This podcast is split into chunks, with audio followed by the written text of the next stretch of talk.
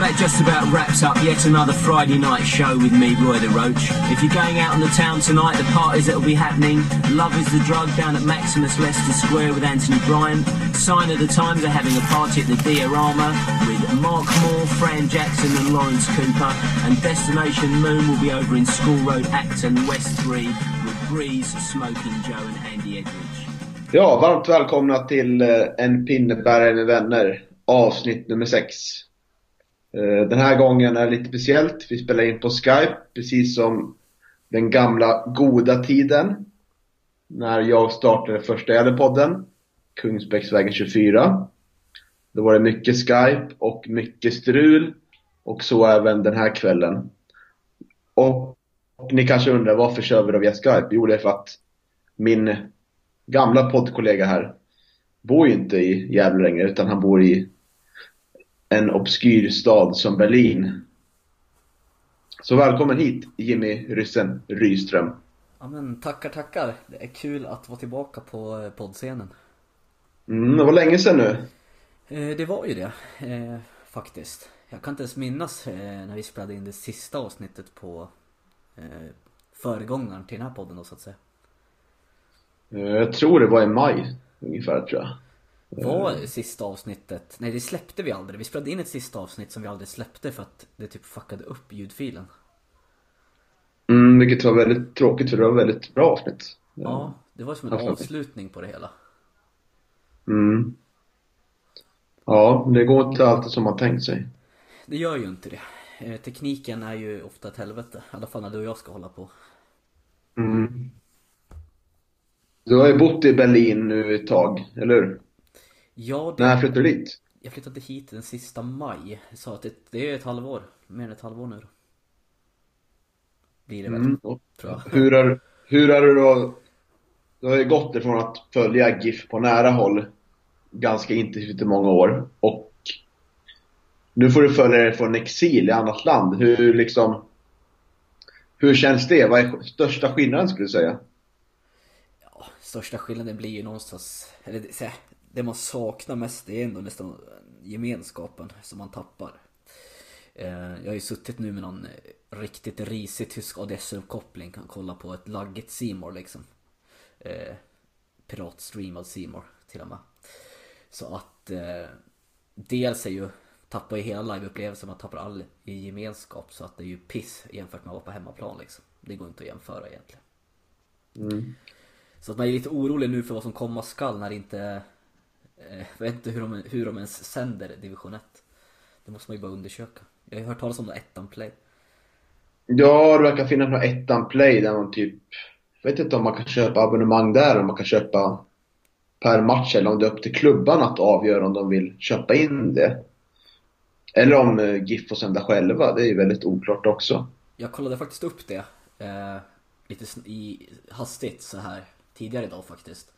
Och Mm. det är ett abonnemang då som kostar 159 kronor i månaden. Eh, och då verkar man kunna se alla matcher. Men eh, då är frågan om alla klubbar är anslutna till det. Det törs jag inte svara på. Mm. Det är ju spännande ändå. Jag kommer ihåg, kommer ihåg när vi köpte eh, någon GIF-match. De mötte, vet du vad vi köpte det? Jo, kanske. Det var via, var det via Mitt- Mittmedia? Ja, eller var, eller var det via Hälsingland? Jag tror vi mötte Söderhamn. Då var ju vår vän Jocke Mattsson kommentator, kommer du ihåg det? Nej det kommer jag inte ihåg men eh, det skulle man ju ha sett. Jag såg inte den Ja. matchen uppenbarligen. Han var ju expert då. Så det var lite obskyrt och bra tycker jag. Det, det får ju en att minnas lite, så här, lite andra minnen. Vi mötte Team TG för något år sedan. Det var någon kommentator som inte allt hade koll på Gävle och sa fel på namn och sånt. Och den matchen kommer jag däremot ihåg. Det var ju en jävla cirkus. Ja, det är ändå någonting man tycker är charmigt. Det kanske kommer mer så ettan fotboll liksom. Det kanske är där alla nya expertkommentatorer får börja liksom, för att jobba sig uppåt.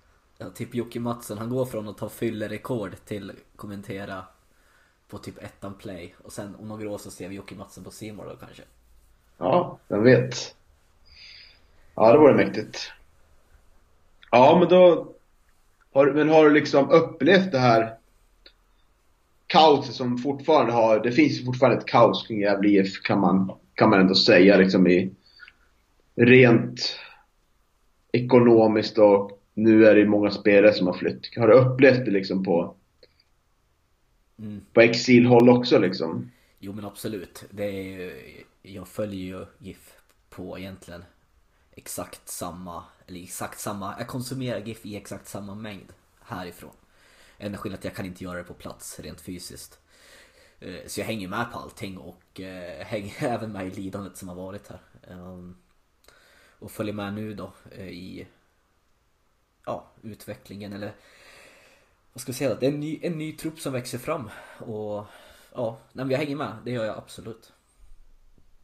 Mm. Eller säga att det är frustrerande att sitta eh, framför TVn match efter match. Man vill ju vara på plats, så är det ju. Fotboll ska ju ses live. Oavsett om det är division 1 eller vad det nu kan tänkas vara liksom. Mm. Det, det finns ju också, som vi har pratat i den här podden om, att det finns ju positiva aspekter med att åka ur. Och den kanske största är ju liksom att vi får ett reseschema som är humant för en gångs skull. Något som vi inte haft på över, ja, ja ända sedan GIF åkte ur Elitfotbollen förra gången kanske. Vad vet jag, i början av 2000-talet. Vad, har du kollat in spelschemat lite? Eh, ja, det har väl, jag har väl gjort samma sak som alla andra tror jag egentligen. Eh, man har ju slängt sig på och kollat eh, när vi har derbyna. Och jag ska ju såklart också ta mig hem någon gång. Så då är väl någon av derbymatcherna högst troligt att jag kommer hem till. Mm. Men eh, det är ju jävligt surt att sitta här borta när man har det där drömschemat. Ja, det är ju otroligt liksom. Det är, det är tre matcher på hela året av de här eh, 30 då. Som är på vardagar. Och de här som är på vardagar, alla är på så helgdagar. Mm. Så det är, det är i princip inga vardagsmatcher kan man säga. Nej, det är ju perfekt. Hade man eh, bott kvar hemma i Gävle då hade det ju varit, eh, vad är det man brukar kalla det? När man åker på alla matcher. Ja, jag vet inte, har vi något talesätt för det? Ja, vi har det finns ju ett ord för det, eller en term. Jag kommer bara inte ihåg vad den är. Vad den är. Men eh, man hade ju gått rent då så att säga. Sett alla matcher bara varit hemma. Tveklöst. Men nu är du fast i Berlin. Ja. nu lär det väl bli, jag siktar väl på att åka hem i sommar och se i alla fall två matcher. Hoppas, hoppas jag i alla fall. Eh, ja, hade vi hängt kvar så hade man ju lätt kunnat tagit sig till södra Sverige. Eller det är inte så jävla lätt men det hade gått i alla fall. Mm. Men nu blir det ju inte så. Nej. Och hur ser det en vecka ut för dig i Tyskland? Beskriv en, En typ en, vecka, en vecka i Berlin för en, för en inflyttad Gävlebo.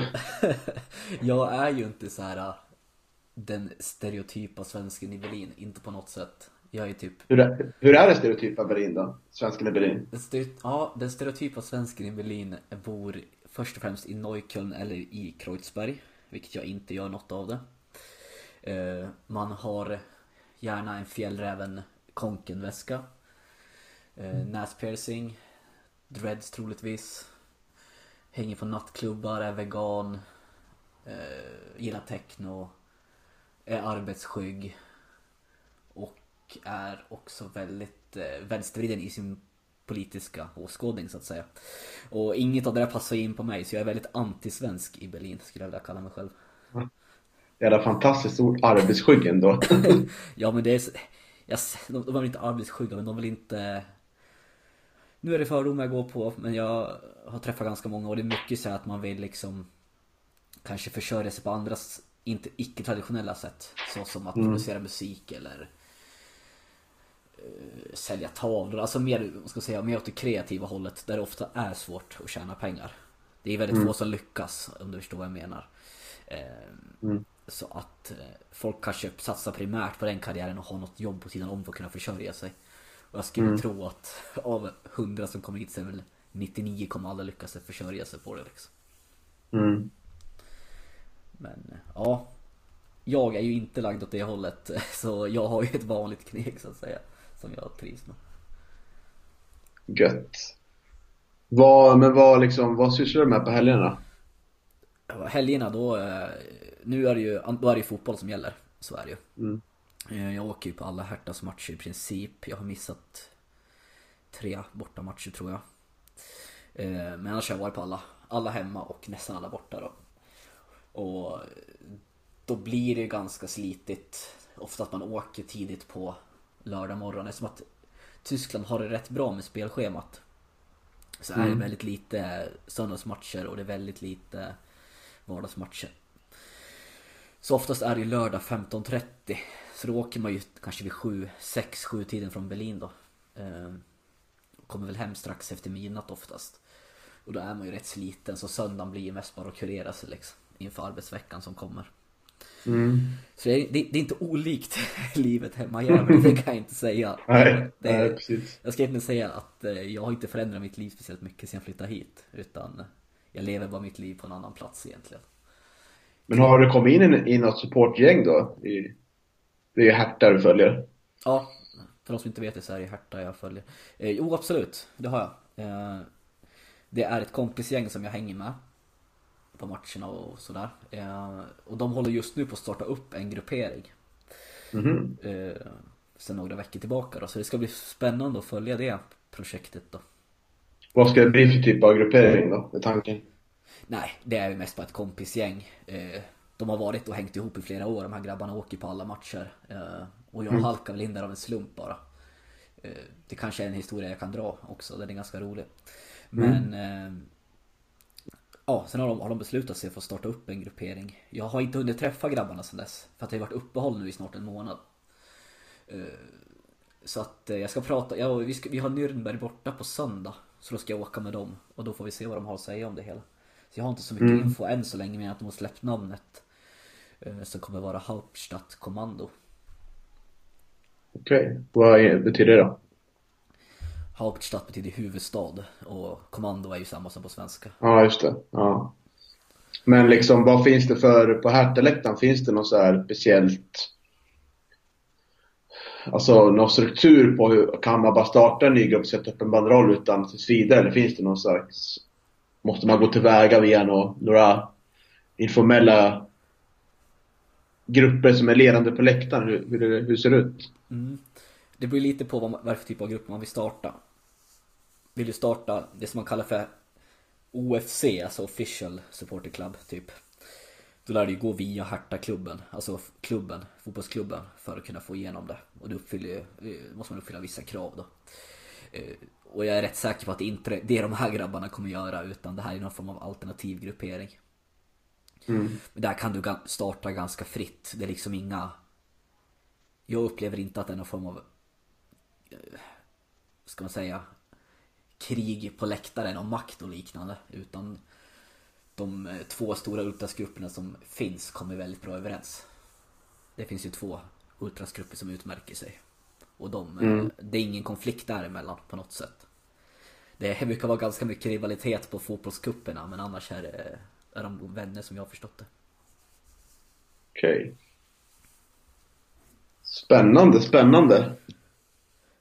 Det känns ju som att Ja, det kommer till helt, helt, annan, helt annan närvaro från, från ett Gävle liksom, där fotbollen inte alls är, är prioriterad och eh, ganska gles på läktaren de senaste åren till ett Berlin som kanske är mer som stad också mer kokande men även som fotbollslag mer, mer kokande sådär liksom. Det finns ju en väldigt stark tradition i Berlin, kan jag tänka mig, gå på fotboll.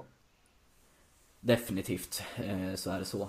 Det är ju såklart allting blir så mycket större jämfört med hemma i Gävle. Mm. Men samtidigt så ser jag väldigt mycket likheter också. Det ska jag inte sticka under stolen med. Det är inte som så att eh, det är två helt olika världar utan på många sätt så är enda skillnaden att det är bara bra mycket mer folk här liksom. Eh, till exempel så ser jag en klassisk bortaresa att det är inte så jävla stor skillnad på här jämfört med hemma i Sverige. Eh, enda skillnaden är att vi är så jävla mycket mer folk här. Ja. Vad skiljer det drygt då? Vad dricker man i Tyskland på bortaresa? Nu kommer ju folk att troligtvis att eh, bli... Eh, jag måste nästan dra historien för den kommer gå ihop med det här. Hur jag lärde känna det här gäng- gänget. För det har med drycken att göra nämligen. Så det blir perfekt om jag knyter ihop det hela. Mm. Eh, det var så att jag och en kollega till mig, han skulle åka på sin första fotbollsmatch någonsin. Eh, när vi skulle till Stuttgart borta för några månader sedan kanske. Och då åkte vi till en, det finns svenska butiker här i Berlin som säljer svensk livsmedel och dryck och sådär. Sånt som man inte får tag på liksom. Så vi åkte dit och köpte med en, en låda, du vet sån här long drink. Sån här gindryck. Ja, ja. klassisk finlandsfärjedryck du vet. Ja just det. Eh, och så köpte vi med en platta Recordeli cider med citrus och vattenmelonsmak. Fy fan vad vidrigt att dricka många sådana. Eh, ja, vi hade, alltså, så vi hade med oss två plattor och så hade vi med oss eh, sprit från Berlin också då. Men, Men vad, vad sålde de i den här svenska butiken, alkoholväg? Intressant att veta. Vad var det för typ av drycker som var, eh, som var svenska nog liksom? de två och så Norrlands och Falcon. Okej, nej, inga skräddare alltså. Nej, men de var beställningsvaror så att skulle vi haft dem hade vi varit tvungna att vänta liksom. Eh, det här var det de hade hemma. Ja, okej. Eh, men ja, så att vi åkte i två man, hade med oss två plattor. Eh, hade slängt ner det i en IKEA-säck typ. Eh, bara blandat liksom. Mm. Ja, och sen satte vi oss på tåget där. Kände ju ingen. Sen skulle min kollega gå iväg då och jag tror han skulle gå och köpa någon macka i bistron eller någonting. Mm. Ja, då hittade han på några tyskar. De hade typ gått in i varandra. Eh, eller de här grabbarna från gänget och så min kollega. Så att det blev liksom... ah, Inte tjafs, men de trodde att de, tyskarna trodde det skulle bli tjafs liksom. För min kollega är jävligt grov och stor. Han spelar amerikansk fotboll och håller på med det så att, eh, ja, du kan tänka hur han ser ut. Mäk- Mäktigt. Ja. Sen kom han tillbaka eh, till mig. Då bara, sa han bara, ta med, dig, ta med dig kassen så går vi. Häng på nu. Då hade han fått en inbjudan till deras tågkupé. Mm. Mm. Så att jag tog med den där kassen med, med drycken. Eh, sen sa han till mig bara, nej nu delar vi ut skiten till alla. Så vi gick bara in i den där kupén, jag och han. Öppnade upp säcken. Och alla, och sa till tyskarna som satt där att det är bara att plocka, ta vad ni vill ha. Och eh, det är någonting som tyskarna gillar, då är den här jävla Recordeli-cider. De är ju galna i skiten. Ja, det är som engelsmännen. Jag gillar också svensk cider. Ja. Mm. Men precis, det är samma här. De säger liksom att, de sa det, eh, det, att ni skulle kunna gå runt på det här tåget. För vi hade ju bokat ett tåg med bara Hertha-supportrar. Mm. Och eh, ni hade kunnat och sälja dem där för 3 euro burken. Folk hade pröjsat.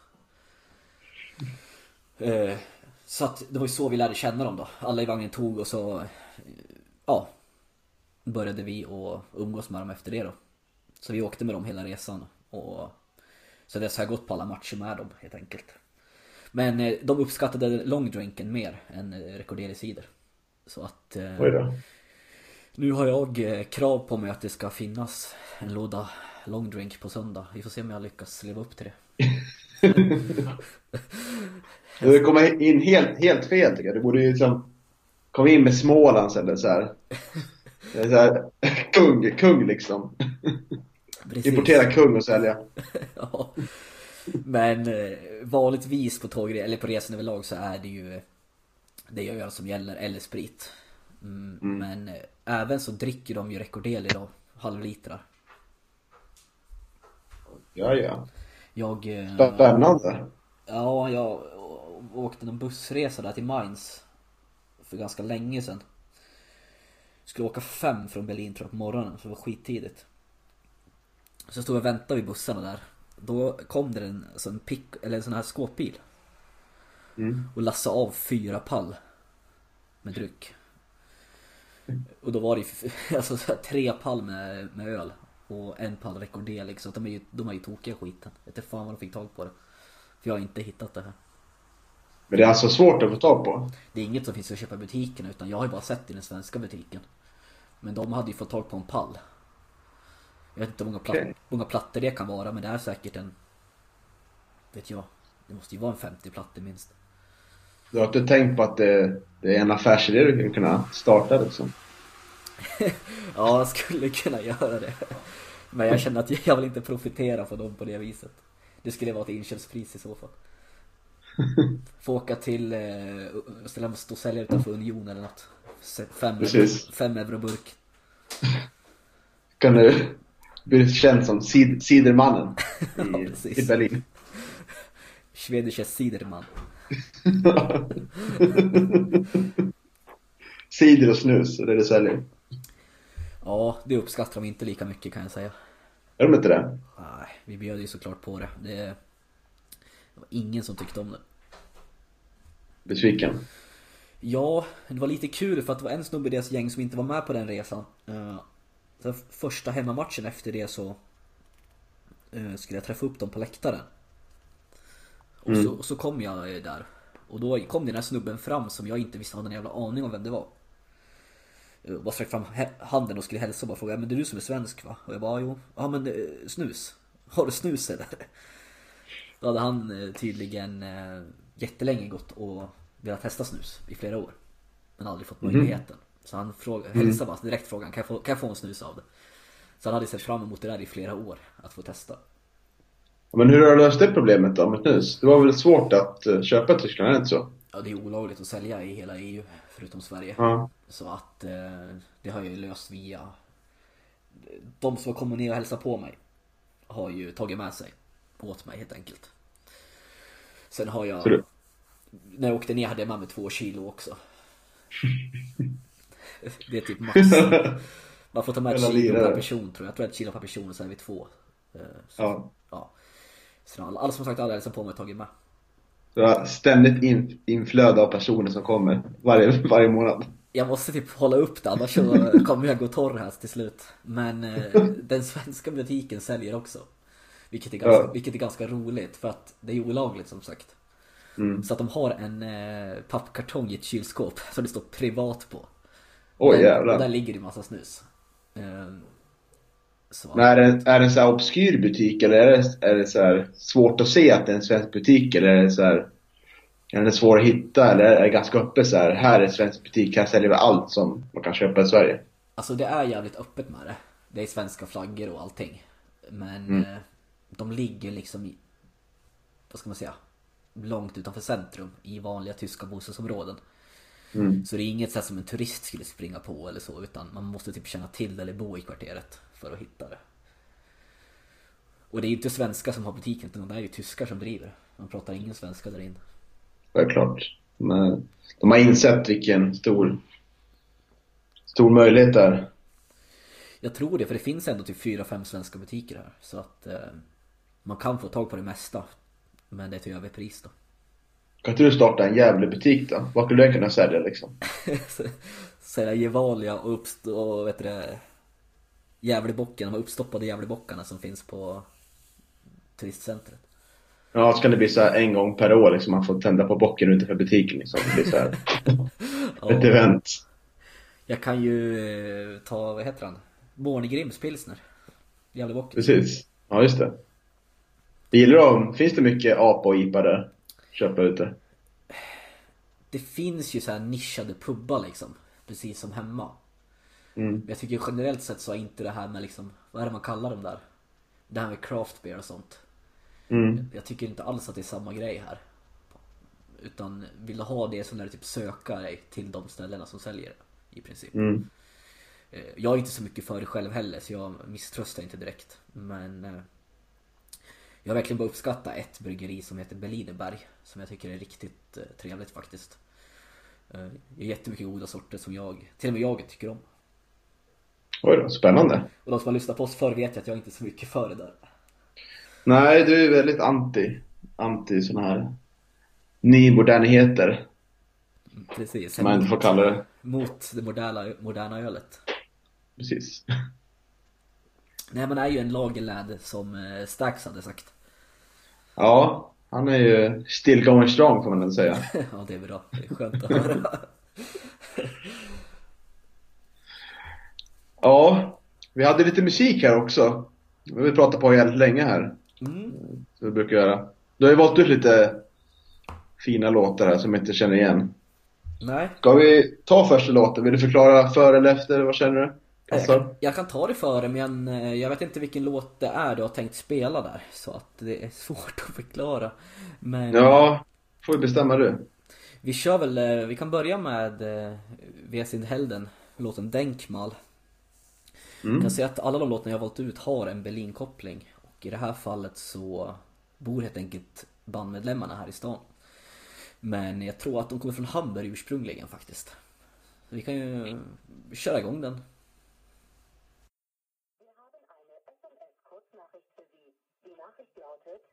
Mission einstellen, Ausrufezeichen, Plakate 8,8 Nullpunkt, Mission 2 folgt, hol den Vorschlaghammer.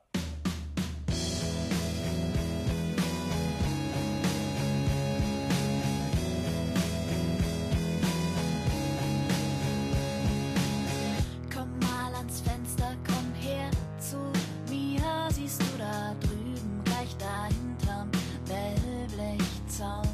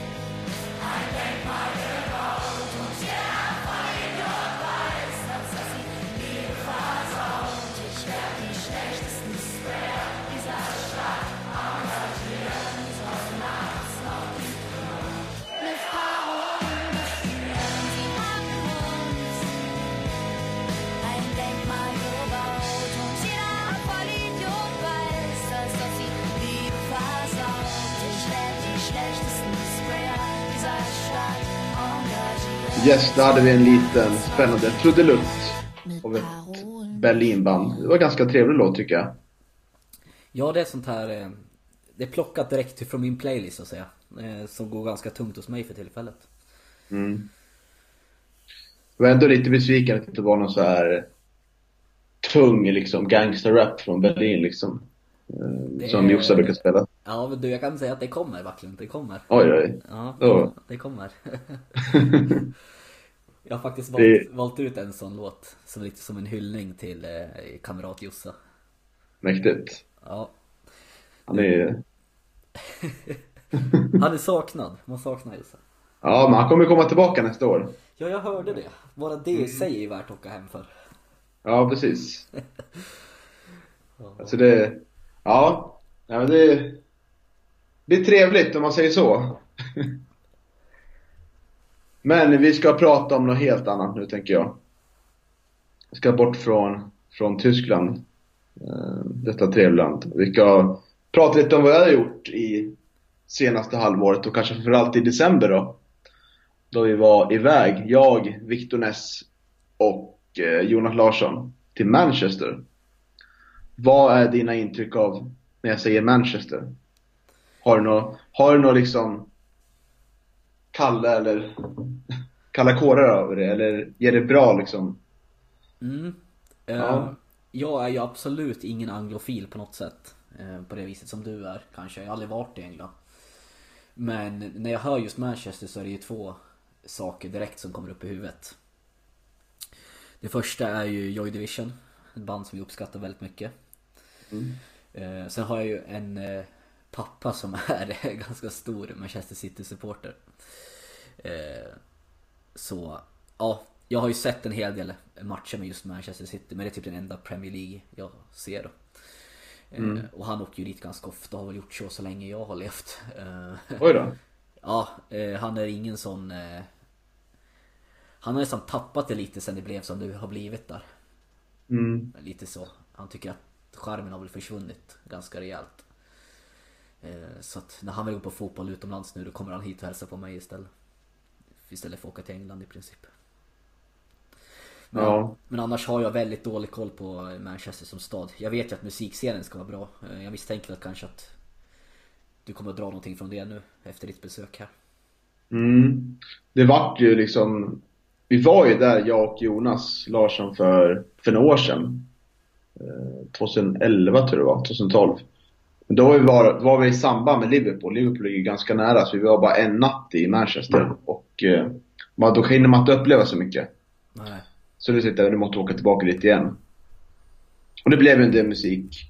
Och de är ju jävligt duktiga på nästan att uppmärksamma liksom vad de har för eh, gjort, vad alla artister därifrån har gjort för staden i sig. De använder det i sin liksom turist, turistnäring kan man säga. Så de hade ju på biblioteket där en stor utställning av alla band eh, från Manchester som har liksom nått eh, kommersiell framgång från ja, efterkrigstiden och framåt till idag liksom. Väldigt mycket så här bilder som är svåra att se och eh, med förklaringar vilken, vilken typ av band det här var och sånt och vilka platser som var viktiga i Manchesters musikaliska, musikaliska historia. Så det var vi att kolla på och det var väldigt, väldigt fint liksom att se. Och eh, sen var jag på Salford Lads Club och det kanske du har hört talas om någonting.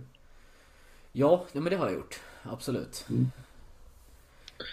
Och Det är ju en slags fritidsgård som ligger i området Salford som ligger lite utanför själva stadskärnan då. Som Morrissey, eh, eller framförallt The Smiths då, skiva The Queen is Dead. Är, är Salford Lads omslag på skivan där. Så det var vi och besökte och det var väldigt trevligt. Det var så här helt gratis men drivs helt ideellt och fick, man alla får en personlig guide som kommer berätta väldigt så här generöst och visar alla typer av vrår av stället. Det är en sån här bok, boxningsställe samtidigt som det även är eh, har ett eget smittsrum liksom som man kan besöka.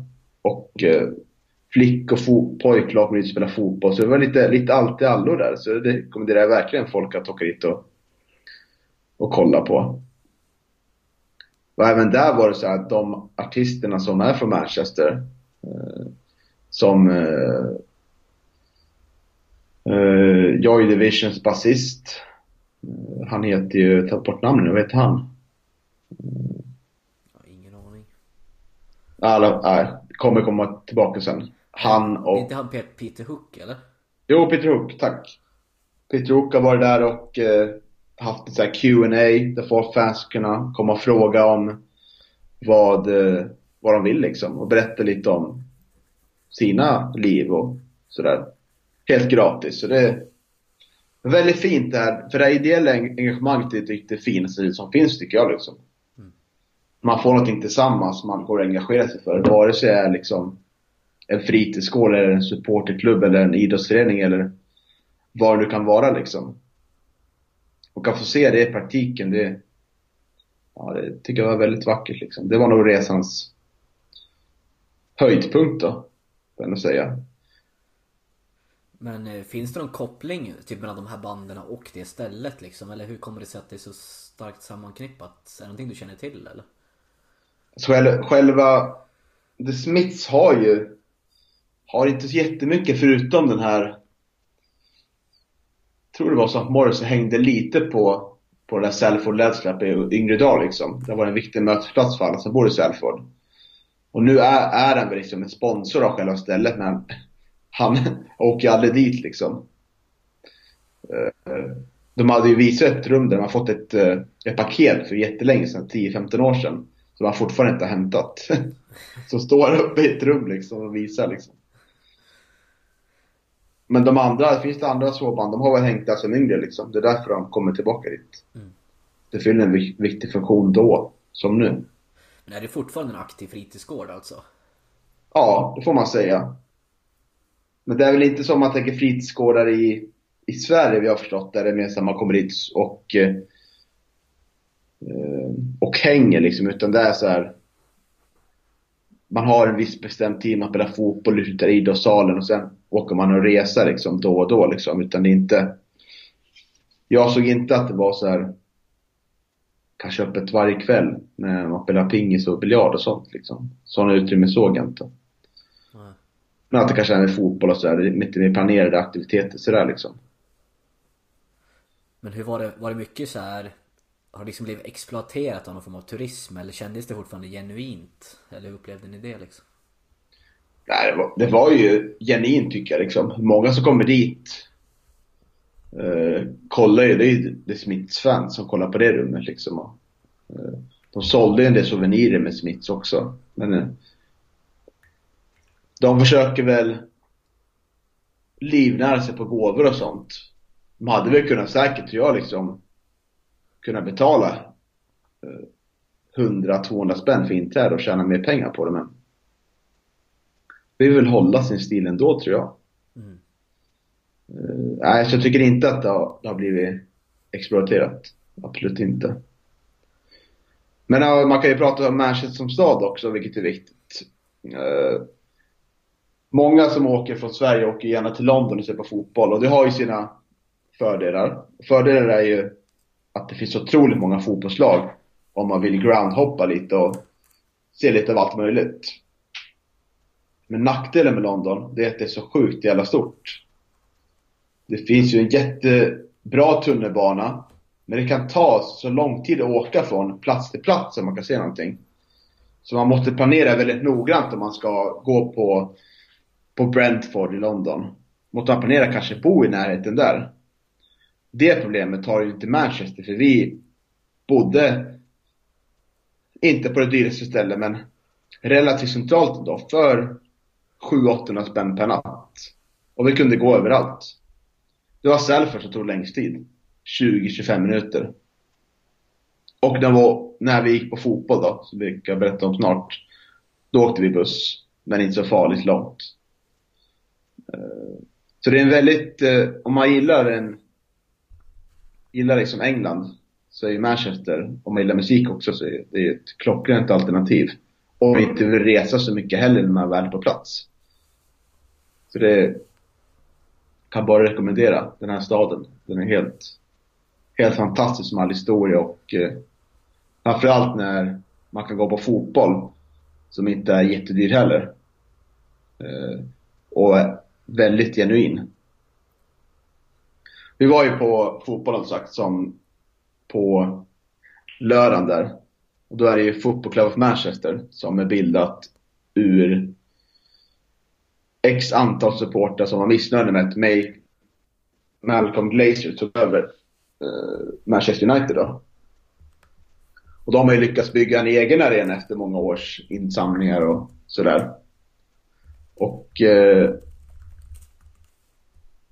att bara komma dit och köpa biljett. Det första man ser när man kommer in, det är ju så här ofantligt mycket banderoller. För själva arenan är ju så här intim, men den har liksom bara en långsida och en kortsida. Men det kändes nästan som att alla, varenda person som var där hade en egen banderoll, lite så. Och framförallt sångerna. Om man kollar på sångerna i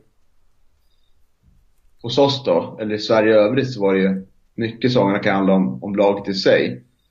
Eller någon enskild spelare. Men här var man så pass stolt över att man har bildat en egen klubb. Att alla sånger nästan, nästan handlar om det liksom. Mm. Och en så här genuin kärlek för fotboll i övrigt. Man brydde sig inte så jättemycket om hur, hur det gick för laget utan man stod på läktaren, sjöng och var stolt över sitt lag och att man har kommit så långt att det är en klubb som är helt styrd av medlemmarna själva. Det är också någonting, tycker man kan ta, ta tillvara på när man är i Manchester. Istället för att gå och se de här två etablerade klubbarna för en väldigt dyr peng. Och kanske inte se fotboll lika bra. Nej men så, ja. Väldigt, väldigt trevlig fotbollsmatch. Eh, För väldigt billig peng.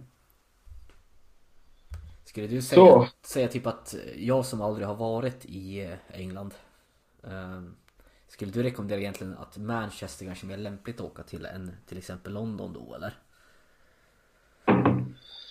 Ja, om man inte vill ägna dagarna åt att så här kolla efter vilken tunnelbanelinje ska ta där och då och eh, vill ha kanske hjälp att sortera ut vad man vill göra dagarna. Man kanske är mer inriktad på, ja jag vill, vi vill gå och äta bra mat. Då är Manchester, eller vi vill gå och se lokal fotboll. Mm. Då är ju Manchester ett bra alternativ för det är så mycket kortare till allting. Mm. Sådär. Det känns som att om man åker en helg bara så har man ju inte alltid i världen.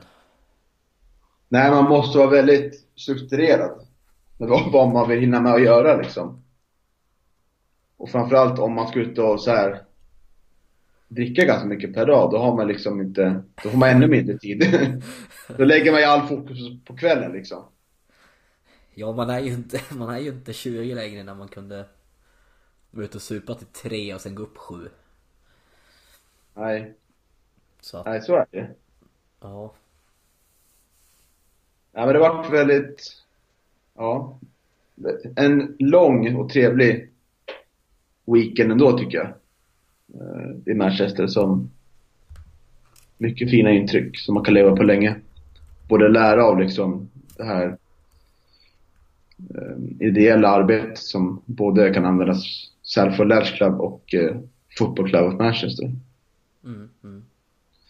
Det är även så här fint att se på läktaren där att det var så här bra blandning av folk, unga personer men även så här gubbar liksom och medelålders män som sjöng med liksom. Alla kunde ramsorna. Ja. Så här, det var, ja. Det, låter, det är den fotbollsupplevelsen som jag känner att jag skulle vilja åt om jag åkte till England. Se de här jävla plastarenorna med Manchester med massa asiatiska turister, det kan ju vara utan. Med United och City alltså. Och vi åkte genu, det genuina. Ja. Så är det ju. Det, det är det som är det. Svårt att hitta också kan det vara. Det är liksom det är stor fotbollsdjungel i hela världen. Mm. Hitta liksom. Så det är inte lätt men man får ju det efter några års erfarenhet. Ja. Man kan cred åt sig själv. ja. Man kan, man kan ju tänka mig att folk som liksom aldrig har varit utomlands på fotboll, att det är klart att de vill åka och se typ Manchester United eller liknande men när man har varit på ett par matcher, då är det ju inte det som drar längre, känner jag i alla fall.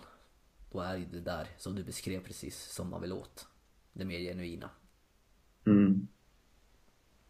Det var, så, det var så jävla genuint att de tog inte kort ens liksom. Man fick ta med sig kontanter, gick inte ut kontanter på arenan ens. Man hade typ bara råd med en, två öl för man hade inte med så mycket kontanter. Det Bara det är, liksom. det är min vardag nu Backlund. Ja. Här finns det ingen som tar kort. Är det så? Nej, det är ingen som tar kort här. Alla Jävlar. inga barer, inga pubbar, nästan inga arenor. Som tar kort. Tungt det är, Det är jag, jag, jag använder bara mitt kort i bankomater för att ta ut pengar typ en gång i veckan.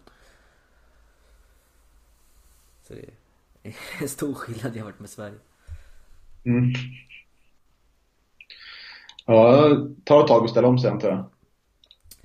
Jag trodde det skulle ta längre tid än vad jag gjort. Jag trivs bra med det nu. Mina kollegor klagar alltid på att det är så jobbigt att ta ut kontanter men jag trivs bra med det. Jag ser faktiskt inte problemet. Ta ut typ två, 200 euro i veckan liksom så...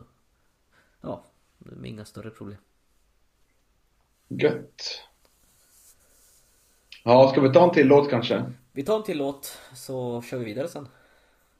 Ska mm. vi köra den, eh, den som, du, som du bad om nästan? Inte riktigt, ja. men nästan. Vi kör Deus die Macht von der Spöre. Ja, det låter tungt.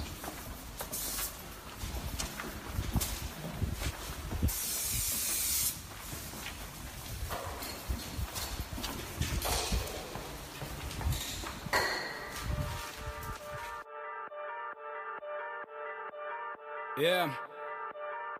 Eins will ich klarstellen, schon seit über ein Fünfteljahrhundert steh ich in der Kurve, der Kurve, der Kurve. Unsere Jungs sind nicht ohne Fußball, die Droge, Mischkonsum. Fick mal die anderen auf wichtig tun.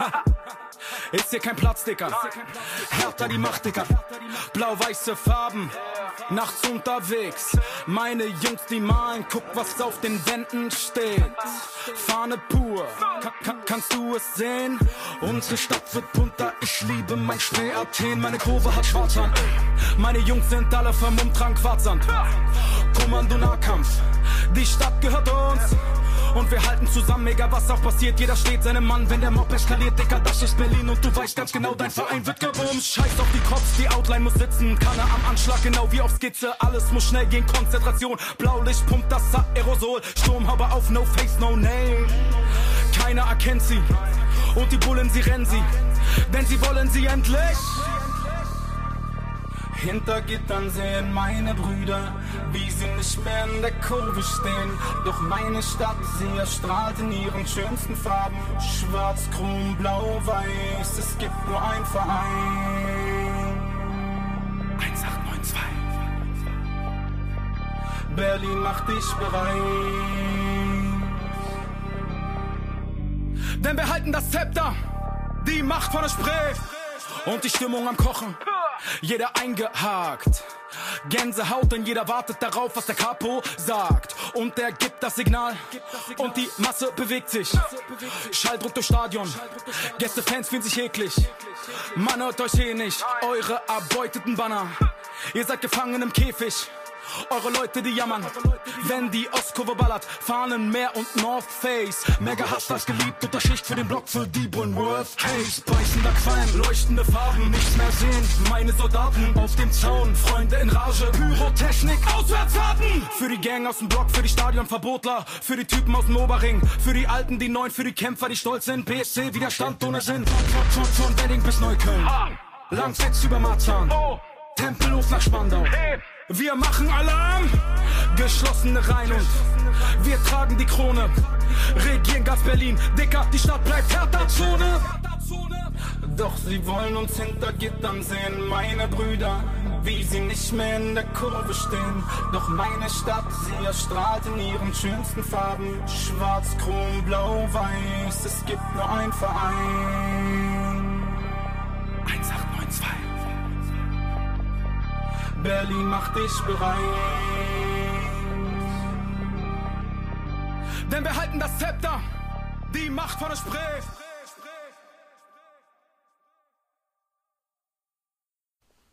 Där hade vi den kända hiphopen som vi efterfrågade.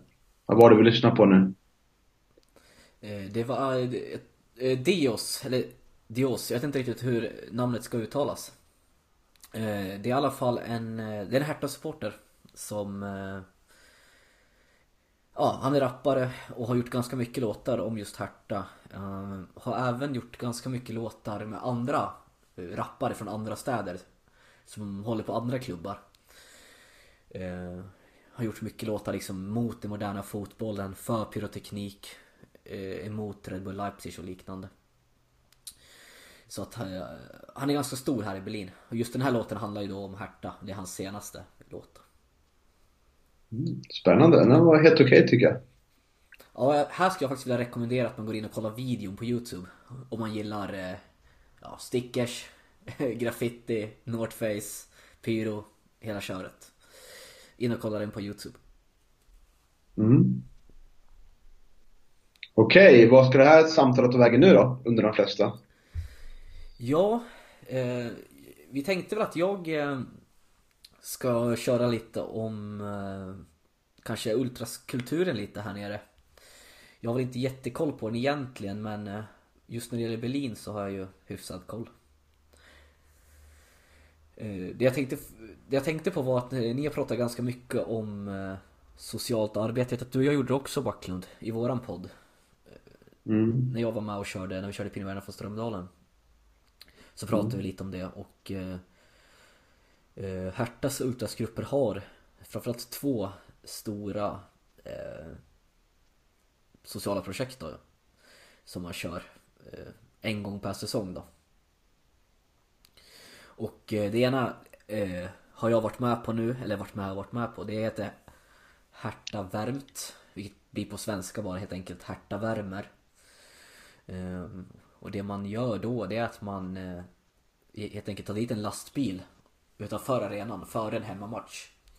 Och eh, då får supportrarna ta med sig kläder som man inte längre behöver och eh, skänka, donera till Berlins eh, vad heter det? Bostadslösa? Ut, här säger man va? Bostadslösa? Ja.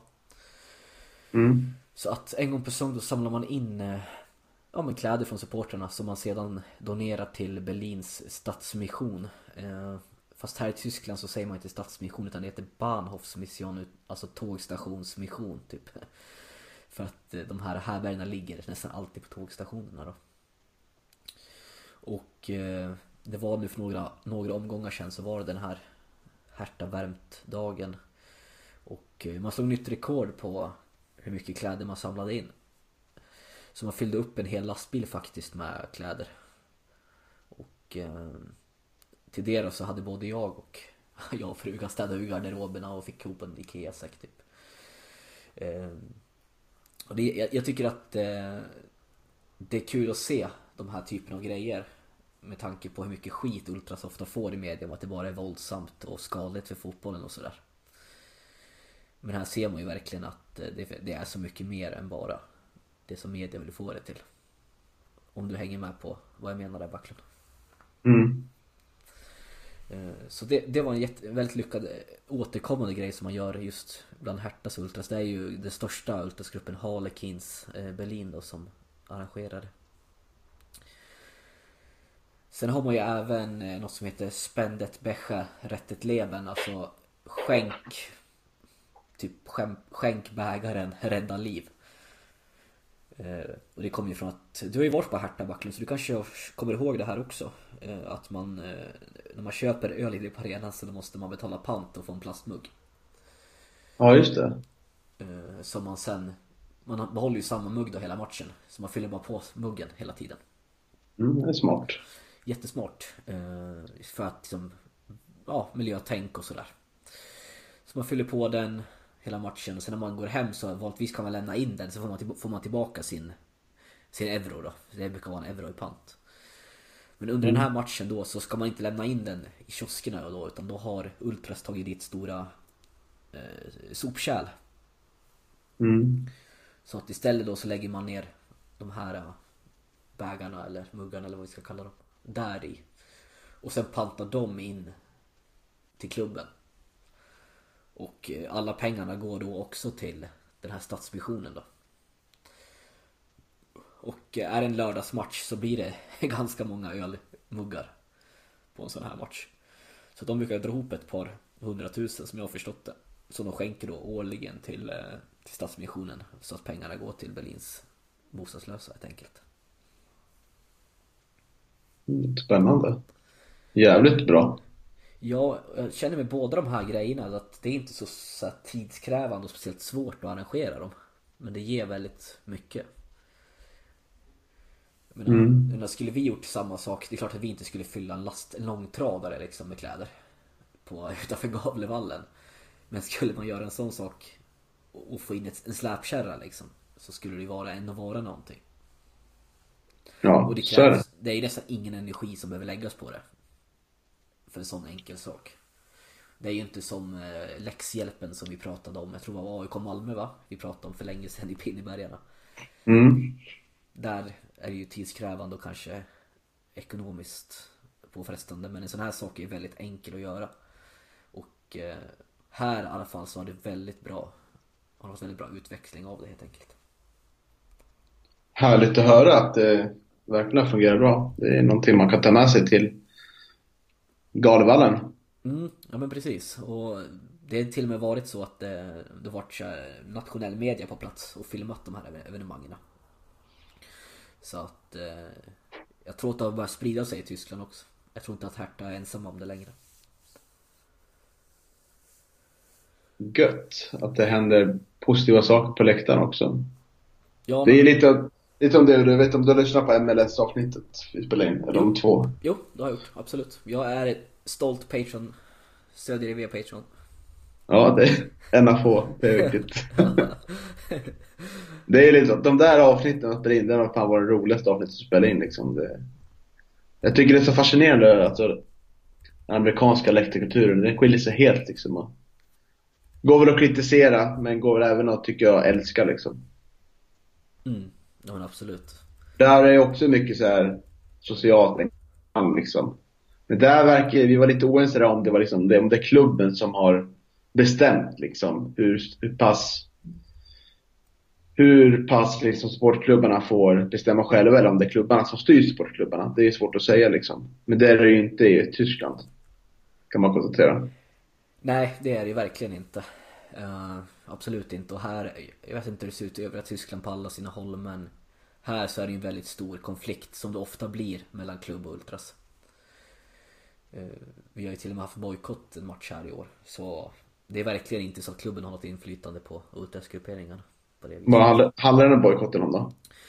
Det har varit dels om hur man klubben har betett sig i social media.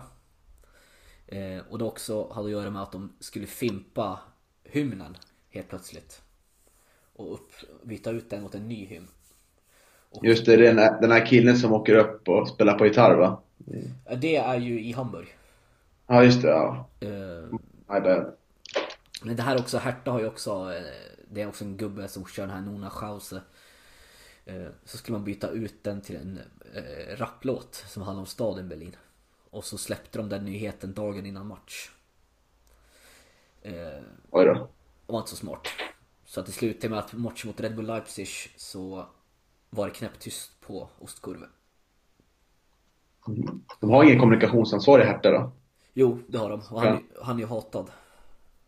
Ja. Eh, De har ju kört en reklamkampanj här nu, eller de kör just nu en reklamkampanj här i hela Berlin. Som heter eh, In Berlin kannst du alles sein, auch Hertaner. Vilket översatt blir då I Berlin kan du vara allt, även Hertaner. Eh, och det är en kampanj som går ut på att eh, varje stadsdel har en egen matchdag på Olympiastadion. Så att säga att stadsdelen Lichtenberg det är deras matchdag. Då tränar laget en träning veckan innan match i den stadsdelen på någon, någon gräsplan där. Och så tapetseras hela stan med affischer med, på, där de har intervjuat befolkningen i stadsdelen som håller på Ärta. Fan, det är ju klockrent. Ja, det är jättebra kampanj. Och det tyckte Ultras också. För att nu liksom man knyter an till folket. Man, sådär. Mm. Så att då är det liksom, kan man bild på en sjuårig tjej. Står det typ Märta, Hertha-supporter, går på dagis. Och sen en bild på, Ja. på henne, så står det typ Ja, hon bor i Lichtenberg, eh, håller på Hertha. Och så står det, du kan vara, i Berlin kan du vara allt, även Hertaner. Men Så det här var ju bra grej. Men klubben har ju hållit på med massa engelska Twitterkonton och massa... Jag ska förklara, vet du. Vi har pratat om Mönchengladbachs Twitterkonto förr. Det är väldigt mycket tramserier och sådär och mycket fokus på att kanske locka asiatisk publik och sådär istället för fokusera på den egna publiken. Mm. Eh, Men det man gjorde med Ulf Ultas var att kontra med, med den här sloganen. Så, och då skrev de att eh, i Berlin kan, kan det vara allt, även arbetslös. Eh, Martin Keuter, försvinn härifrån. Det är kommu- kommunikationsansvarig då. Oj, oj. Ja, så man kapade hans egen eh, slogan där. Sen hade vi som sagt hymnen där, men efter det, den matchen så var det ett möte och eh, det ordnade upp sig då. Efter mötet. Så nu har vi tillbaka hymnen och nu sjunger han den live inför varje hemmamatch istället. Så det blev ju väldigt positiv utgång i det hela. Ja, kommunikationsansvarig. Eller? Nej, utan han som, han som har gjort hymnen sjunger den live nu. Ja, ja. ja. före matchen, eh, va- varje hemmamatch då. Så att det blev ett bra utfall av mötet. Men eh, ja. det var ju idiotiskt att köra igång någon, ta in någon hiphop-låt liksom. Eh, Som ny hymn, som inte var omöjlig att sjunga med i. Var Inte så genomtänkt. ja, det är spännande. händer mycket saker. Det gör ju det. ju, med mycket supporter händer det mycket saker känns som liksom. Eh, Engagerar. Ja men absolut, och det, det finns flera exempel på det. Var ju här med måndagsmatcher här i Tyskland som det har varit väldigt mycket tjafs om. Mm. Eh, vet inte om du har hängt med någonting i det, men det har ju varit mycket så här måndagsmatcherna. Folk har, supportrar har kastat in eh, toarullar och grejer på planen och sådär. Bara i ren protest mot måndagsmatcherna.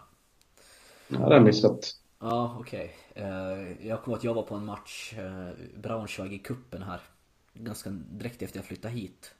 Det var också en måndagkväll. Men jag hade ju inte börjat jobbat då så att jag kunde ju åka på den. Då var det ju liksom en fet jävla bränning och sen banderoll. eh, Typ, vi bränner upp måndagsmatcherna.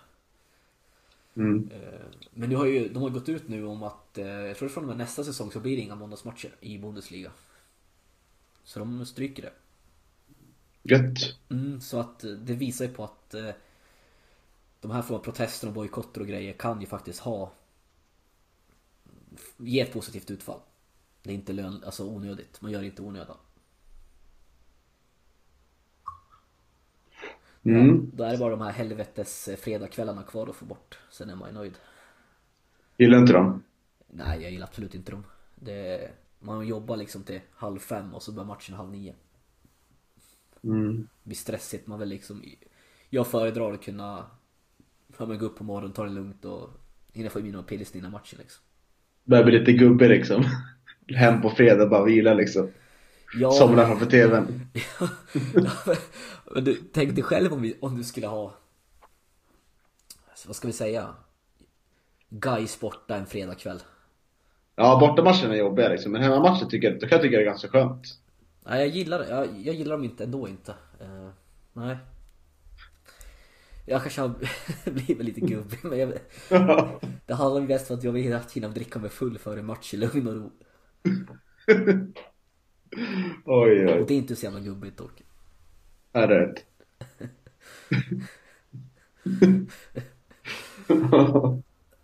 ja. Nej, man får tycka olika. Så är det med livet här. Ja, absolut. Så är det. Så är det. Men det, jag förstår väl att eh, det finns de som uppskattar det också. Men jag har märkt här att det är väldigt olika utfall i publiksiffror på vardagsmatcher och helgmatcher. Så är det. Ja, det är så pass. Ja, vi har haft en tisdagsmatch här. Då tror jag det var 27 000 på matchen. Eh, Det brukar vara runt 55 ungefär på helgerna. Så det är en jävligt stor skillnad. Nu var det förvisso mot Augsburg som inte drar någon vidare borta följe, men tappa så mycket, det beror ju inte på bortaföljet utan det, då är det ju tapp på hemmapubliken också. Mm. Jag tror att det kan ha mycket att göra med att det är Det är ganska mycket barnfamiljer. Herta har ju gratis för barn till exempel. Det är gratis entré för barn. Är också väldigt positivt. Mm. Under vissa, jag tror det är 12 eller någonting sånt. Gratis för barnen 12. I, om man har sällskap av en förälder då som har köpt biljett.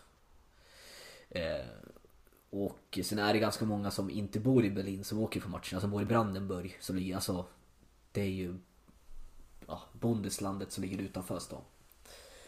Och det blir sent för då barnfamiljer att åka 20-30 en vardagskväll.